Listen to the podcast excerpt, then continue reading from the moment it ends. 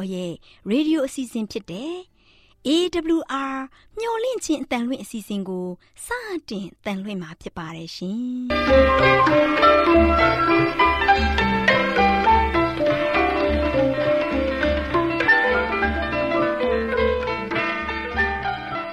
။ဒေါက်တာရှင်များခင်ဗျာမျော်လင့်ခြင်းအတန်မြန်မာအစီအစဉ်ကိုနက်နက်6နိုင်မိနစ်30မှ9နာရီအထိ16မီတာ kHz 10653ညညပိုင်း9နာရီမှ9နာရီမိနစ်30အထိ16မီတာ kHz 19533ညမှ နေ့စဉ်အတန်လွှင့်ပေးနေပါတယ်ခင်ဗျာဒေါက်တာရှင်များရှင်ဒီကနေ့တင်ဆက်ထုတ်လွှင့်ပေးမယ့်အစီအစဉ်တွေကတော့ကျမ်းမာပျော်ရွှင်လူပေါင်းတွင်အစီအစဉ်တရားဒေသနာအစီအစဉ်အထွေထွေဘုဒ္ဓအစီအစဉ်တို့ဖြစ်ပါတယ်ရှင်ဒေါက်တာရှင်များရှင်အာရော temperament လာပန် ကျမ်းမာခြင်းသည် လူသားတိုင်းအတွက်အဓိကအရေးဖြစ်ပါသည်ဒါကြောင့်ကိုရောစိတ်ပါကျမ်းမာစေဖို့ယင်ကျမ်းမာခြင်းတရင်ကောင်းကို တင်ဆက်ပေးလိုက်ပါတယ်ရှင်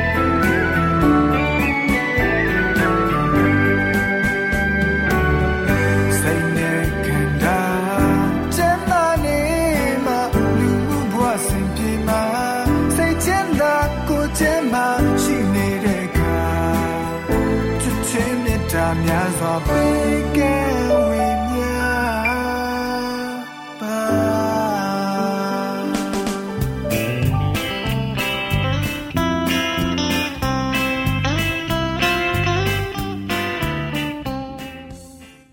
ော်တရှိမိတ်ဆွေများရှင်လူသားတို့အသက်ရှင်ရေးအတွက်အစာအာဟာရကိုမျှဝဲစားတောက်နေကြရတယ်ဆိုတာလူတိုင်းသိပါပဲဒီအခါမှာစားတောက်မှုမှန်မှန်ကန်တာတွေစားတောက်မှုအချိန်မတော်တာတွေ အချက်အပြုတ်မှန်မှန်ကန်တာတွေကြောင့်ကျောင်းမကြီးထိခိုက်လာလို့ယောဂဗျာတွေတိုးပွားပြီးဒုက္ခဝေဒနာတွေခံစားကြရတာဖြစ်တယ်ဒါကြောင့်ကျမရင်းနဲ့ညီညွတ်အောင်ဘယ်လိုစတော့နေထိုင်ပြုမှုသင့်တယ်လဲဆိုတာသိရှိဖို့အတွက်ကျမတို့မျှော်လင့်ခြင်းအတမထုတ်လွှင့်ပေးမဲ့အစာအာဟာရဆိုင်ရာအကြံပေးချက်တွေကိုလေ့လာမှတ်သားကြပါစို့တောတရှိများရှင်ဒီကနေ့မှာ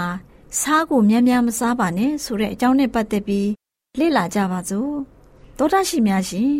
စားကိုများများမသုံးဆောင်သင့်ဘူးဟင်းခအမွှေးကြိုင်တွေကိုမသုံးဘဲချက်ပြုတ်တင်တယ်တတိဝလံတွေကိုများများစားရမယ်ထမင်းစားတော့ရေစာတက်တဲ့အကျင့်ပျောက်သွားပါလိမ့်မယ်အစားအစာတွေကိုပြင်ဆင်တဲ့အခါမှာအာဟာရရှိဖို့လိုအပ်တယ်လို့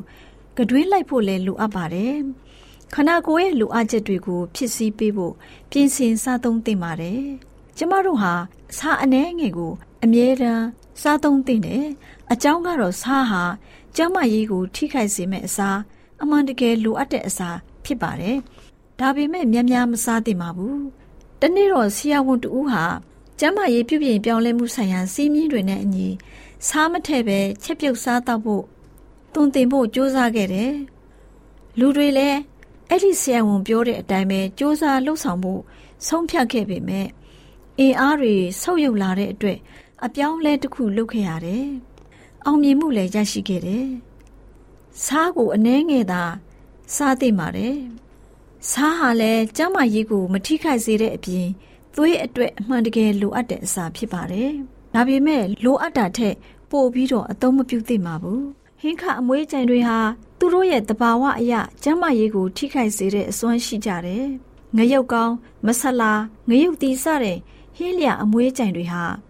အစာအိမ်ကိုထိခိုက်စေုံသာမကဘူးသွေးကိုလည်းညဉ့်ညမ်းစေပါတယ်အသားဟင်းတွေနဲ့အရှံပယ်ကျွေးနေကြတာမကဘူးမိခင်များဟာသားငယ်သမီးတွေကို အသားဟင်းတွေမှာဟင်းခအမွေးအကြိမ်တွေနဲ့ကျွေးယုံနေတာမကဘူးနုနုနယ်နယ်ကလေးမလေးတယောက်ကစားရည်စိန်အစားအစာတွေကို တောင်းစားနေတာကို တွေ့ရှိရဘူးတဲ့။အဲ့ဒီကလေးမလေးဟာဟင်းခအမွေးကြိုင်နေစားရည်စိန်တွေကို အားရပါရသူမဟာစားနေတယ်။ တကယ်တော့အဲ့ဒီတငယ်မလေးဟာကြောက်တတ်တဲ့သူ စိတ်တူတတ်တဲ့သူဖြစ်ပါတယ်။စားစိန်အစားအစာတွေနဲ့ဟင်းမွေးမဆလာတွေဟာအဲ့ဒီလိုအခြေအနေမျိုးဖြစ်အောင်ဖန်တီးတတ်တယ်။အစာတုပ်မုတ်တွေနဲ့စားရည်စိမ်တွေကိုဘယ်အခါမှမစားသင့်ပါဘူးအဲ့ဒီအစာတွေဟာလူရဲ့ခန္ဓာကိုယ်မှာရှိတဲ့သွေးရဲ့အရည်သွေးတွေကိုညံ့ဖျင်းစေတတ်ပါတယ်ဟင်းခအမွေးကြိုင်တွေအစာသွတ်တဲ့မှုတ်တွေ စားစိမ်တွေနဲ့ယောဂရှိတဲ့အသားတွေကို အသွေးသားကောင်းဖြစ်အောင် ချက်လုပ်ပေးဖို့ခန္ဓာကိုယ်ရန်တရားကြီးကမစွမ်းဆောင်နိုင်ပါဘူး။စားကိုများများမစားပါနဲ့။ဟင်းခအမွေးကြံတွေကိုမသုံးဘဲချက်ပြုတ်ရမယ်။တစ်သီးဝလံတွေကိုများများစားရမယ်။ထမင်းစားတော့ရေစာတတ်တဲ့အကျင့်ပျောက်သွားပါလိမ့်မယ်။ဟင်းရွက်တုပ်တွေမှာစီနဲ့ရှာလကာရည်တွေကိုထည့်လို့ရှိရင်အဲ့ဒီအတုပ်တွေဟာအစာအိမ်မှာအချင်းပေါက်စေပြီး အစာမကြေပဲပုတ်တိုးနေတတ်တယ်။အကျိုးဆက်အနေနဲ့သွေးအားကောင်းမလာပဲရှိနေပြီးသားသွေးတွေတောင်မှညဉ့်ညံသွားပြီးအသေးနဲ့ကြောက်ကပ်ကိုလည်းယောဂဖြစ်စေပါတယ်ဆိုတဲ့အကြောင်းအစာအာဟာရဆိုင်ရာအကြံပေးချက်ကဏ္ဍမှာကျမရဲ့အတွက်အကြံပေးတင်ပြလိုက်ပါရှင်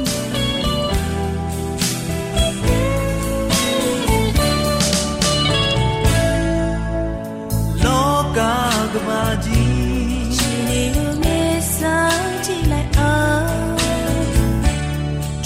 မဲ့ပန်းလုံးရှိတဲ့ပြညိုဝေးမဲနေတဲ့လေဒီအသာ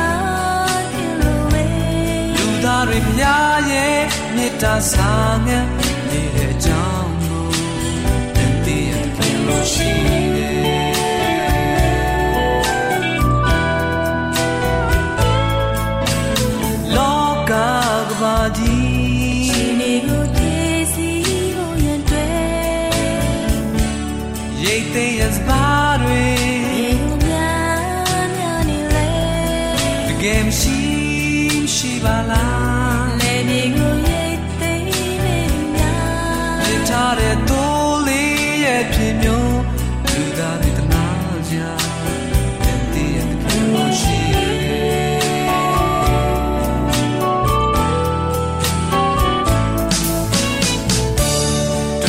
တွေ့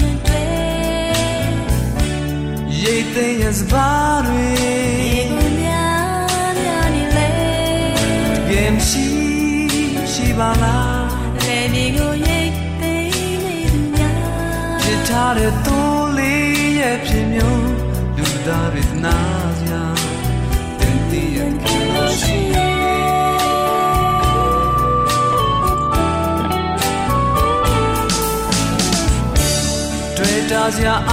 လုံးစုံလို့တခင်နာလိုက်ခဲ့ပါလားတော်တော်ရှင်တရားဒေသနာတော်ကိုဆရာဦးတင်မောင်ဆန်းမှဟောကြားဝင်ငါပေးมาဖြစ်ပါတယ်ရှင်။နာတော်တာစီရင်ခွန်အားယူကြပါစို့။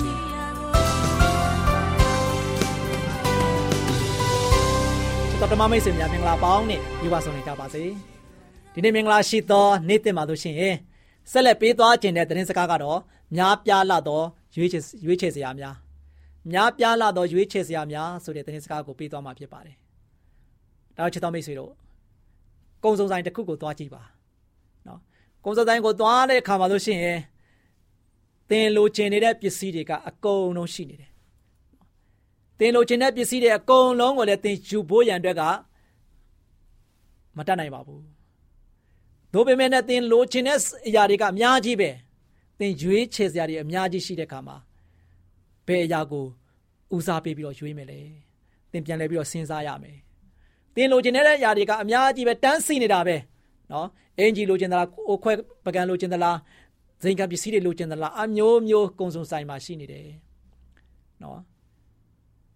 ဒါကြောင့်သင်လိုချင်တဲ့အရာတွေအများကြီးရှိပေမဲ့သင်လိုအပ်တဲ့အရာကဘာလဲ သင်အလိုရှိဆုံးအရာကဘာလဲဆိုတာကိုသင်ဆက်ပြီးတော့ရွေးချယ်ပြီးမှသင်ဝယ်ယူရမှာဖြစ်ပါတယ်။နောက်ချစ်တော်မိတ်ဆွေတို့ယနေ့ရွေးချယ်စရာတွေအများကြီးပဲဒီလောကကဘာကြီးမှာစီတီမောတို့ကုံစုံဆိုင်မှာအလောက်တောင်များနေတဲ့အထက်ကနေမှသင်ကရွေးချယ်ရမယ့်အရာရှိတယ်ဆိုရင်ယနေ့သင်ဘဝအသက်တာအတွက်ဘာကိုရွေးမှလဲချစ်တော်မိတ်ဆွေတို့ ဘာဖြစ်လို့ဒီကမ္ဘာလောကကြီးမှာလို့ရှိရင်အသင်းတော်ဂိုင်းကနတွေအမျိုးမျိုးကွဲနေရတာလေဘာဖြစ်လို့အမျိုးမျိုးလူတွေအားလို့ရှိရင်ကွဲပြားတဲ့အယူဆတွေနဲ့အသက်တာကိုရှင်သန်နေကြတယ်လေအဲ့ဒီကွဲပြားခြားနားနေတဲ့အများကြီးတဲကနေမှသင်ဘာကိုရွေးချယ်ရမလဲ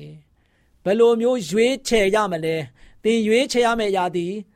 တကယ်လိုအပ်တဲ့အရာတကယ်လိုရှိတဲ့အရာ အတကယ်လိုအပ်ဆုံးအရာကိုသင်ရွေးချယ်နိုင်ဖို့အရင်ရည်ကြည့်ပါတယ်ချစ်တော်မိတ်ဆွေတို့ဘာဖြစ်လို့အသင်းတော်တွေအသင်းတော်ခွဲတွေများရတယ်လဲသင်စဉ်းစားဖို့ပါသလားဒီကမ္ဘာလောကကြီးမှာအသင်းတော်တွေအများကြီးရှိတယ်ဘာသာတွေအများကြီးရှိနေတယ်နော်ဒီဘာသာတွေကနေမှခွဲထွက်သွားတဲ့အသင်းတော်တွေအသင်းတော်တွေအများကြီးရှိနေတယ်ဘာကြောင့်ဒီလိုမျိုးကွဲပြားနေရတယ်လဲသင်စဉ်းစားဖို့ပါသလား လူတော်တော်များများကစဉ်းစားနေကြပါတယ်အသင်းတော်တိုင်းလူတို့ကသူတို့မှန်တယ်လို့ဟောပြောကြပါတယ်ဖယားအမှန်ကိုကိုးကွယ်တဲ့အသင်းတော်ဟာဘယ်ဟာပါလဲလို့မေးခွန်းထုတ်ပြီးတော့စဉ်းစားဖို့ပါသလားချစ်တော်မိတ်ဆွေတို့တမန်ကျမ်းစာမှာဖြေရှိပါတယ်ဖယားရဲ့နှုတ်ကပတ်တော်ဟာဆိုရှင်ပွေလီရှုပ်ထွေးနေတဲ့အရာတွေအတွက်အမှားနဲ့အမှန်ကိုသိအောင်ဖော်ပြပေးပါတယ် ဒါကြောင့်အခုကျွန်တော်တို့လေ့လာမဲ့ခေါင်းစဉ်ကတော့ဘာဖြစ်လို့အသင်းတော်ဂိုင်းတွေကွဲပြားနေရပါသလဲနော်အာမုတ်နဂတိကြံခိုင်းတော့ငယ်ခုနှစ်မှာနှုတ်ကပတ်တော်ကဘယ်လိုဖော်ပြထားသလဲဆိုရင်အကယ်စင်စစ်အရှင်ထာဝရဘုရားသည်မိမိကျွန်ပရောဖက်တို့အားမဖော်မပြပဲအဘယ်အမှုကိုမျှစီရင်တော်မမူလို့ရေးထားပါတယ်နှုတ်ကပတ်တော်ထဲမှာဆိုရှင်ရှိနေရင်တော့ကျွန်တော်တို့အထွေအထူးစဉ်းစားတရားမလိုတော့ပါဘူးချစ်တော်မိတ်ဆွေတို့ ဒီနှုတ်ကပတ်တော်တရားဆိုရှင်အတိအလင်းဘုရားသခင်ကဖော်ပြထားတယ်ဒါကျွန်တော်တို့အားလုံးကနှုတ်ကပတ်တော်ထဲမှာရှိတဲ့သားသမီးတွေဖြစ်ဖို့ရန်ရည်ကြီးပါတယ်နှုတ်ကပတ်တော်ထဲမှာရှိနေတယ်ဆိုတော့ကျွန်တော်တို့မှာဆိုရှင်ထွေထွေထူးထူးစဉ်းစားတဲ့အရာဘာမှမရှိဘူးဒါကြောင့်နှုတ်ကပတ်တော်အတိုင်းကျွန်တော်တို့ယုံဖို့ပဲဖြစ်ပါတယ်နှုတ်ကပတ်တော်ထဲမှာဆိုရှင်မပါရင်တော့မယုံဖို့ပဲဖြစ်ပါတယ်နော်ဒါကြောင့်အခုသင်ခန်းစာကိုလေ့လာဖို့တမန်ကျမ်းစာရဲ့နောက်ဆုံးစာအုပ်ဖြစ်တဲ့ဗျာဒိတ်ကျမ်းကိုကျွန်တော်လေ့လာကြပါစို့နော် ဗျာဒိတ်ကျမ်းမှာဆိုရှင်လေးနဲ့တဲ့အရာတွေမြောက်များစွာရှိတယ်ဒီဗျာဒိတ်ကိုကျွန်တော်တို့အတိတ်ပဲတွေကိုဖွင့်ဆိုတဲ့အခါမှာလေးနဲ့တဲ့အတွက်ကြောင့်ယနေ့လူတွေကဒံယေလကျမ်းနဲ့အနာဂတ်ဗျာဒိတ်ကျမ်းဆိုရှင်အရှုပ်ထွေးပွေတည်တဲ့ကျမ်းအဖြစ်သတ်မှတ်နေကြတယ်ဒါပေမဲ့ဘုရားသခင်ကလေးနဲ့တဲ့အရာတွေကိုဥပမာဒီနဲ့ဖော်ပြထားတာတွေ့ရပါတယ်ဒါကြောင့်ဗျာဒိတ်ကျမ်းခန်းကြီး6မှာဆိုရှင်မြင်းလေးကောင်အကြောင်းကိုပြောထားပါတယ် ဒီလင်းမြင်းလေးကောင်ဟာဆိုရှင်ခရိယန်အသင်းတော်ရဲ့ကွဲပြားခြားနာတဲ့အချိန်ကာလကိုပုံဆောင်ထားပါတယ်ချစ်တော်မိတ်ဆွေဒီအချိန်ကာလတွေအားဖြင့်ယခုကွဲပြားခြားနာနေတဲ့အသင်းတော်တွေကိုတွေ့နေရပါတယ်ဒါကြောင့်ဒီကမ္ဘာလောကကြီးမှာဆိုရှင်အချိန်ကာလတွေကနေမှစပြီးတော့ကွဲပြားခဲ့တဲ့သင်းတော်တွေကယနေ့ထိတိုင်အောင်ရှိနေပါတယ်ဗျာဒိတ်ကျမ်းခန်း6ငယ်1မှာဆိုရှင်သိုးတငယ်သည်တစိမ့်ခုနှစ်ချက်တွင် တစ်ချက်ကိုဖွင့်သောအခါငါကြည့်လျင်မိုးကြိုးတံမြည်တကဲ့သို့တတဝါလေးပါးတွင်တပားကလာ၍ကြည်လောလို့ဆိုသည်ကိုငါကြား၏ချစ်တော်မိတ်ဆွေတို့ယခုခရိယန်အသင်းတော်တွေရဲ့ယာဇဝင်တွေကိုဗျာဒိတ်ခန်းကြီး6မှာလို့ရှင်တွေ့ရပါတယ်ဗျာဒိတ်တန်ခန်းကြီး6ငယ်1မှာလို့ရှင်ထိုအခါငါကြည့်လျင်မြင်းဖြူတစည်းရှိ၏မြင်းစီသောသူသည်လေးကိုကင် နော်မြင်းစည်းတဲ့သူကလေးကိုကင်ထားတယ်သူ၌တရဖူကိုပေးတော်မူ၏အောင်မြင်လည်းရလည်းကောင်းအောင်မြင်ခြင်းကထွက်သွား၏ဆိုပြီးတော့ဖော်ပြထားပါတယ်ချစ်တော်မိတ်ဆွေတို့ဒီနေရာမှာမြင်းဖြူကိုပုံဆောင်တဲ့ပထမအသင်းတော်ဟာဖြူစင်တဲ့ယုံကြည်ခြင်းရှိတာနဲ့ပုံဆောင်ထားပါတယ်ခရစ်တော်ကောင်းကင်ပေါ်ပြန်တက်ကြွပြည့်ပြည့်ချင်းပဲမြေကြီးပေါ်မှာကြံရှိနေတဲ့တပည့်တော်တွေယုံကြည်သူတွေဟာတပားအမျိုးသားတွေကြားမှာလို့ရှိရင် ရင်တထိတ်ထိတ်နဲ့အသက်ရှင်နေကြကြရပါတယ်ချစ်တော်မိတ်ဆွေတို့တပည့်တော်တွေဟာခရစ်တော်နဲ့အတူတူနေထိုင်သွားလာခဲ့ကြပါတယ်ခရစ်တော်ရှင်ပြန်ထမြောက်တာကိုလည်းတွေးခဲ့ကြရတဲ့အတွက်ကြောင့်ယုံကြည်ခြင်းအပြည့်နဲ့တတ္တိတွေရှိခဲ့ကြပါတယ်နော်ကိုတော်ကောင်းကင်တက်သွားတာကိုလည်းသူတို့တွေးခဲ့တယ်နောက်တစ်ဖန်ပြန်လာမယ်ဆိုတာကိုလည်းသူတို့ကဆိုရှင်အတိတ်အလင်သိတယ်နော်ဒါကြောင့်မို့လို့ကိုတော်ရဲ့ဂတိတော်ကို စိတ်နှလုံးအကျွင့်မဲ့ယုံကြည်ကြတယ်ချစ်တော်မိတ်ဆွေဒါကြောင့်ကဘာအနက်ဧဝံဂေလိသတင်းစကိုတက်တက်ကြွကြွနဲ့တတ္တိရှိရှိနဲ့သူတို့ကဆိုရှင်ကြွေးကြော်ခဲ့ကြတယ်နော်ကောလောသဲခန်းကြီး1ငွေ27 23မှာဆိုရှင်ရှင်ပေါလုကဘယ်လိုပြောထားတယ်လဲဆိုတော့အထက်ကဘုရားသခင်နဲ့ကြွာရှင်း၍စိုးရုပ်သောအကျင့်ကိုကျင့်ခြင်းဖြင့်စိတ်နှလုံး၌ယံသူဖြစ်သောသင်တို့ကိုကိုယ်ခန္ဓာတော်၌အသေးခန္ဓာ မူသောကိုယ်ခန္ဓာတော်၌အသေးခံတော်မူသောအဖြစ်ယခုမိတ္တဟာယဖွဲ့စည်းခြင်းကအလိုရှိတော်မူ၏အကြောင်းမူကားကောင်းကင်အောင်၌ရှိသမျှသောဝိနည်းတတဝါတို့အားဟောပြောသဖြင့်သင်တို့သည် ကိုယ်တိုင်ကြားရပြီးသောဧဝံဂေလိတရားဤမျှော်လင့်ခြင်းမှာမလွေ့မလျော့ပဲတိုင်းမြေကြခြင်းတည်ကြည်ခြင်းနဲ့တကွမြဲမြံစွာယုံကြည်ကြလျင်တန်ရှင်းစင်ကြယ်ရဲ့အပြစ်တင်ခွင့်နဲ့ ကင်းလွတ်လျက်ရှိသောသင်တို့ရှေ့တော်၌မဆမိအကြောင်းတည်းဆိုပြီးတော့ဖော်ပြခဲ့ပါတယ်ချစ်တော်မိတ်ဆွေတို့တမန်တော်ဝိထုခန်းကြီးကအငယ်၁၄မှာလဲသခင်ဖျား၌ယုံကြည်သောယောက်ျားမိန်းမအပေါင်းတို့သည်သင်ဝင်ကြ၏နေ့စဉ်လူပေါင်းထောင်ချီပြီးတော့နှစ်ချင်းမင်္ဂလာခံယူတယ်လို့တမန်တော်ဝိထုကဆိုရှင်မှတ်တမ်းနေထားပါတယ်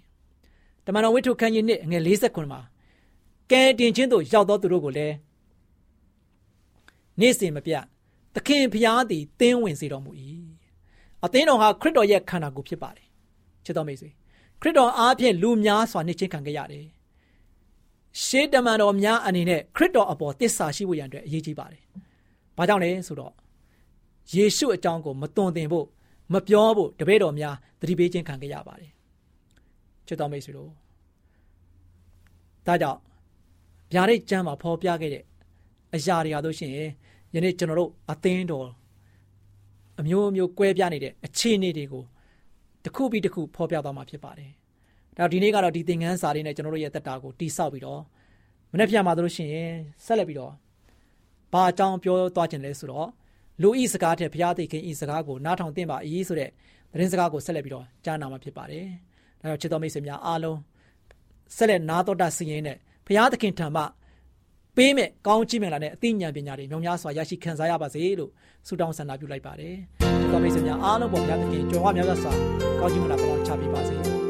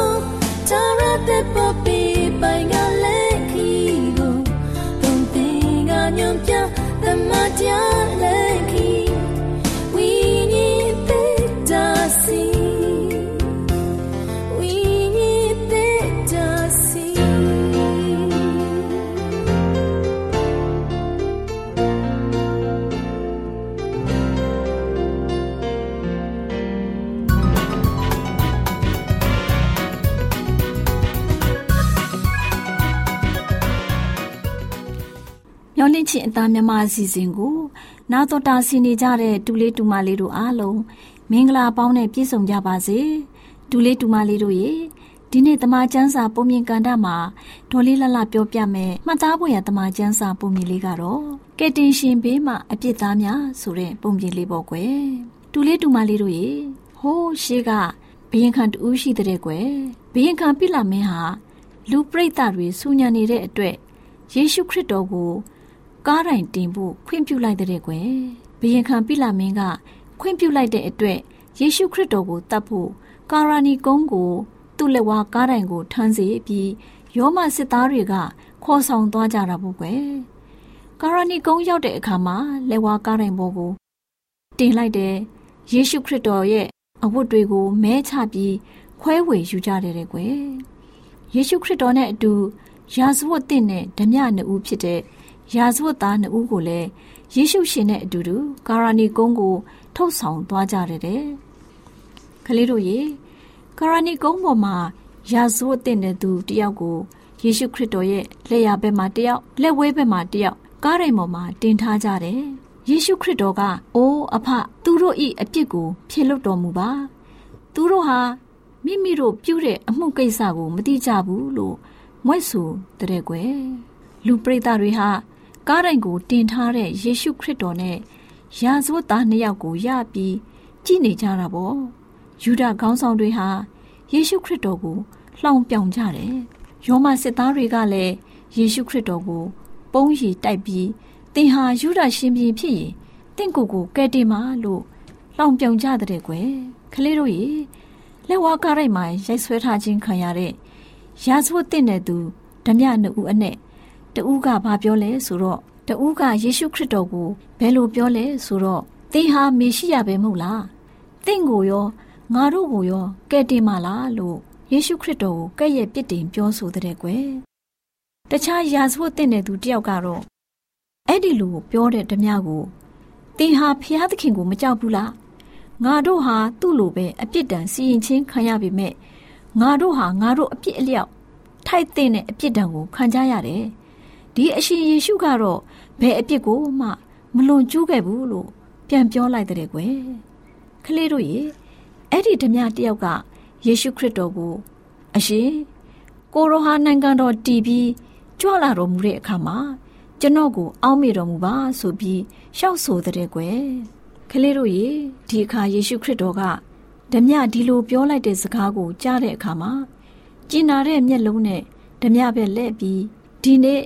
တင့်ကိုပြောမယ်။တင်ဟာငါနဲ့အတူပရတိသူ့ဘုံမှာရှိလိမ့်မယ်လို့မိန့်တော်မူလိုက်တဲ့ကွယ်။ကလေးတို့ရေယောမစစ်သားတွေလူပရိသတ်တွေဓမြတယောက်ကပါအစယေရှုခရစ်တော်ကိုပြစ်တင်လှောင်ပြောင်ပြောနေကြချိန်မှာယေရှုခရစ်တော်ရဲ့တစ်ဖက်ဘေးမှာရှိတဲ့ဓမြကတော့အာကိုတကြီးနဲ့ပြောလိုက်တဲ့စကားဟာယေရှုခရစ်တော်ကို သူ့ကိုယ်သူဆက်ကလိုက်တာဖြစ်တယ်ကွ။ဒါကြောင့်လဲယေရှုခရစ်တော်က အဲ့ဒီဓမြဟာဘယ်လောက်ပဲအပြစ်ကြီးမားနေပါစေမေတ္တာတရားကြီးမားစွာနဲ့ခွင့်လွှတ်ခဲ့တယ်။ယေရှုခရစ်တော်ဟာအပြစ်သားတွေကိုအပြစ်လွတ်ပိုင်တဲ့ဖခင်ရှင်ဆိုတာလူတိုင်းအတွက်ဘုန်းတော်ထင်ရှားစေတာဖြစ်တယ်ကလေးတို့ရဲ့ယေရှုခရစ်တော်ကသိုးသွန်းတဲ့ဓမြကြီးတွေကိုသာမကကမ္ဘာလူသားတိုင်းရဲ့အပြစ်ကိုဖြေလွတ်ပိုင်တဲ့ဖခင်ရှင်ဆိုတာကလေးတို့သိရှိနားလည်နိုင်ကြပါစေကွယ်ကလေးတို့ကိုဖခင်သခင်ကောင်းကြီးပေးပါစေ။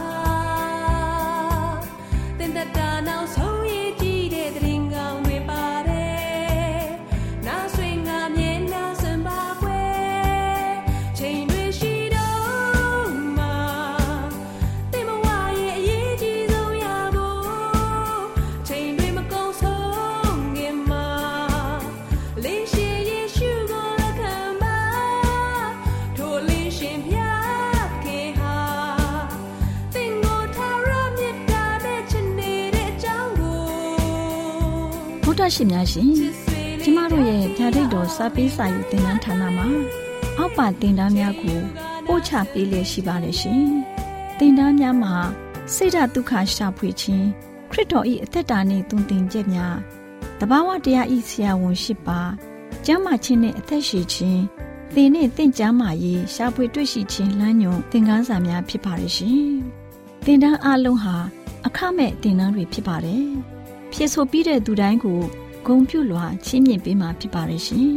တော်တာရှင်များခင်ဗျာဓာတိတော်အတန်းစာပေးစာယူဌာနကိုဆက်သွယ်ခြင်းနဲ့ဆိုရင်တော့ဆက်သွယ်ရမယ့်ဖုန်းနံပါတ်ကတော့39 656 296 336နဲ့39 98 316 694ကိုဆက်သွင်းနိုင်ပါတယ်။ဒါ့အပြင်အတန်းစာပေးစာဥထာဏာကိုအီးမေးလ်နဲ့ဆက်သွယ်ခြင်းနဲ့ဆိုရင်တော့ l a l r a w n g b a w l a @ gmail.com ကိုဆက်သွင်းနိုင်ပါတယ်။ဒါ့အပြင်အတန်းစာပေးစာဥထာဏာကို Facebook နဲ့ဆက်သွယ်ခြင်းနဲ့ဆိုရင်တော့ s o e s a n d a r Facebook အကောင့်မှာဆက်သွင်းနိုင်ပါတယ်။တော်တာရှင်များရှင်ညှိုလင့်ချင်းတန်ရေဒီယိုအစီအစဉ်မှာတင်ဆက်ပေးနေတဲ့အကြောင်းအရာတွေကိုပိုမိုသိရှိလိုပါကဆက်သွယ်ရမယ့်ဖုန်းနံပါတ်များကတော့ 39ခွန်63 986 126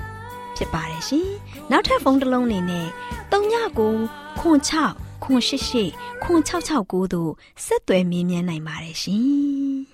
တော်တာရှင်များရှင် KSTA အာကခွန်ကျွန်းမှာ AWR မျိုးလင့်ချင်းအတံမြန်မာအစီအစဉ်များကိုအတံလွှင့်ခဲ့ခြင်းဖြစ်ပါတယ်ရှင်။ AWR မျိုးလင့်ချင်းအတံကိုနာတော်တာဆင် gay ကြတော့တောတာရှင်အရောက်တိုင်းပေါ်မှာ ဖျားသခင်ရဲ့ကြွယ်ဝစွာသောကောင်းကြီးမင်္ဂလာတက်ရောက်ပါစေ။ကိုစိတ်နှဖျားကျမ်းမာရွှင်လန်းကြပါစေ။ကျေးဇူးတင်ပါတယ်ခင်ဗျာ။